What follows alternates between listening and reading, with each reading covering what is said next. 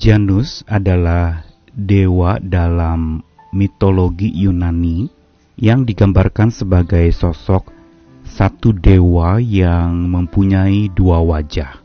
Yang satu wajah yang menghadap ke belakang dan wajah yang menghadap ke belakang ini digambarkan seperti orang yang sudah lanjut usia. Sedangkan wajah yang menghadap ke depan itu adalah wajah seorang yang belia, yang masih muda.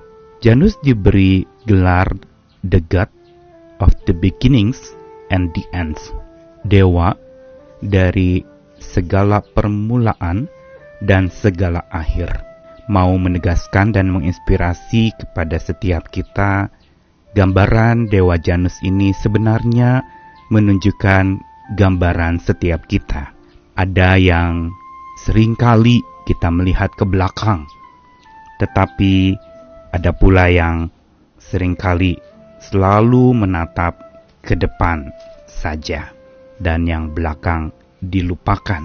Dan berbicara tentang pengharapan, sesungguhnya berharap itu berarti berbicara tentang masa depan.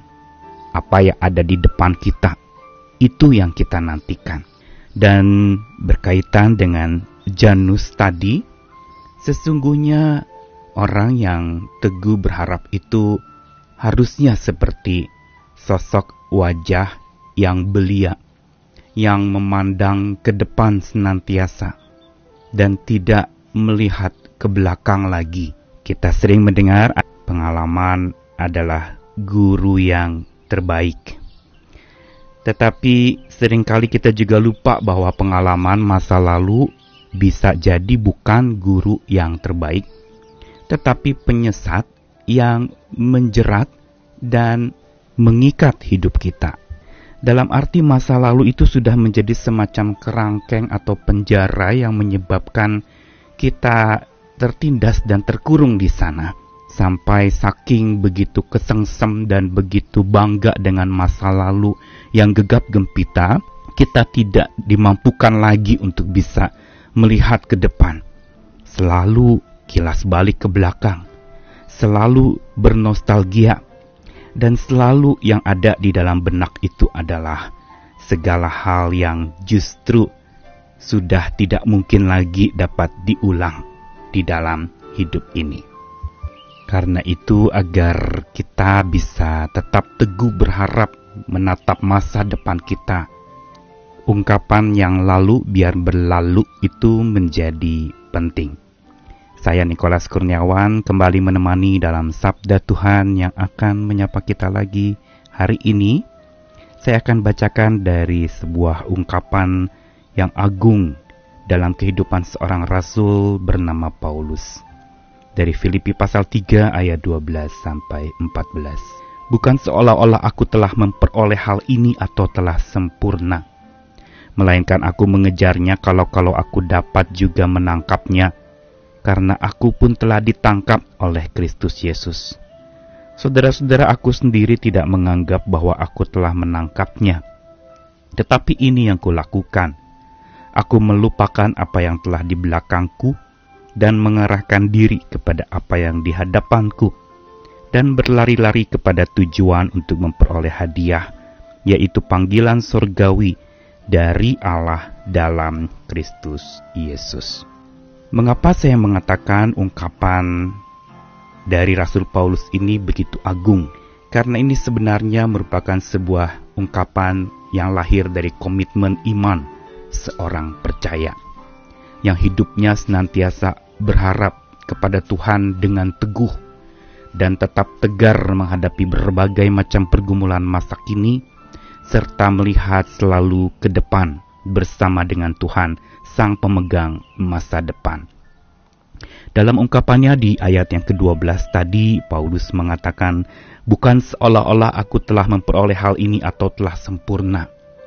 Ungkapan ini menunjukkan bahwa Paulus masih menantikan, masih berharap akan sesuatu yang sempurna itu tiba. Berarti dia sedang ada di dalam sebuah keadaan yang memang masih belum sempurna.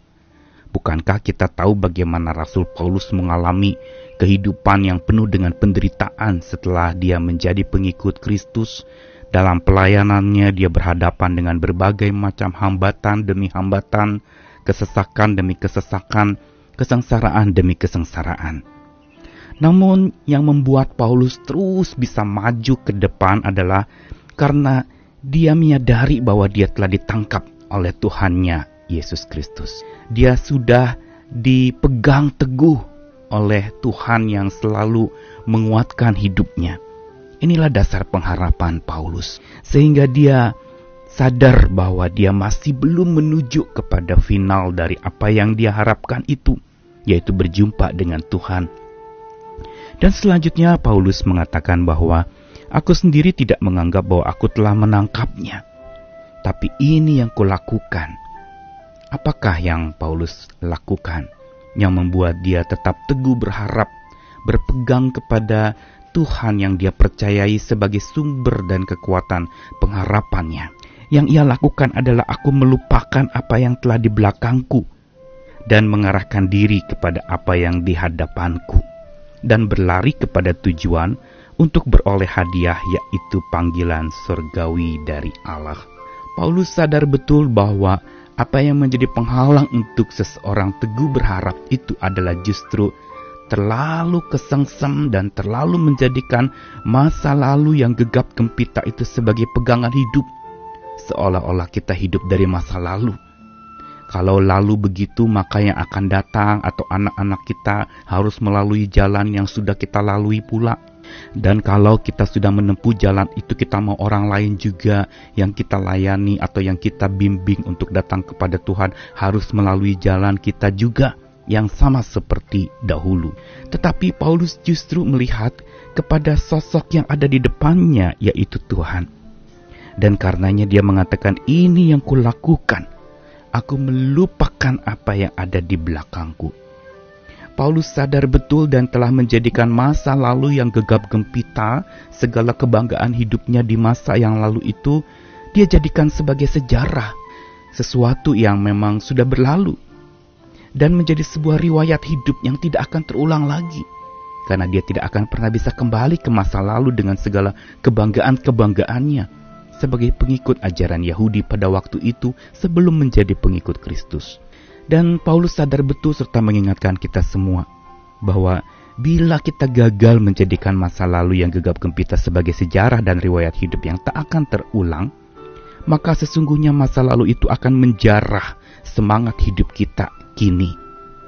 Masa lalu itu akan mengkerangkeng kita begitu rupa sampai kita akhirnya selalu berkiblat ke masa lalu dan tidak mau berjalan ke masa depan. Sulit terarah kepada masa depan yang sesungguhnya penuh dengan harapan dan cinta Tuhan yang tak terbilang itu. Apa yang Paulus ungkapkan sebagai komitmen imannya adalah sebuah dasar untuk supaya kita bisa tetap teguh berharap Jangan sampai kita selalu dikerangkeng oleh masa lalu kita, dipenjarakan oleh segala kebanggaan masa lalu kita atau kesusahan masa lalu kita. Tetapi bangkitlah dan keluar dari masa lalu, berjalan menelusuri masa depan bersama dengan Tuhan sumber pengharapan kita. Karena di dalam dialog ada harapan yang utuh, harapan yang sempurna, dan yang pasti ada cinta yang tak terbilang. Masa lalu kita sudah hilang memang, tapi cinta yang tidak terbilang di masa depan yang maha sempurna itu akan datang.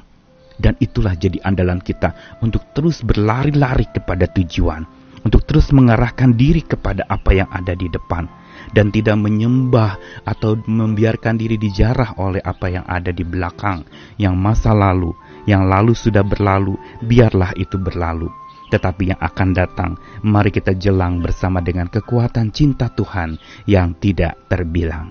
Selamat menghadapi masa depan dengan teguh berharap kepada Tuhan. Amin.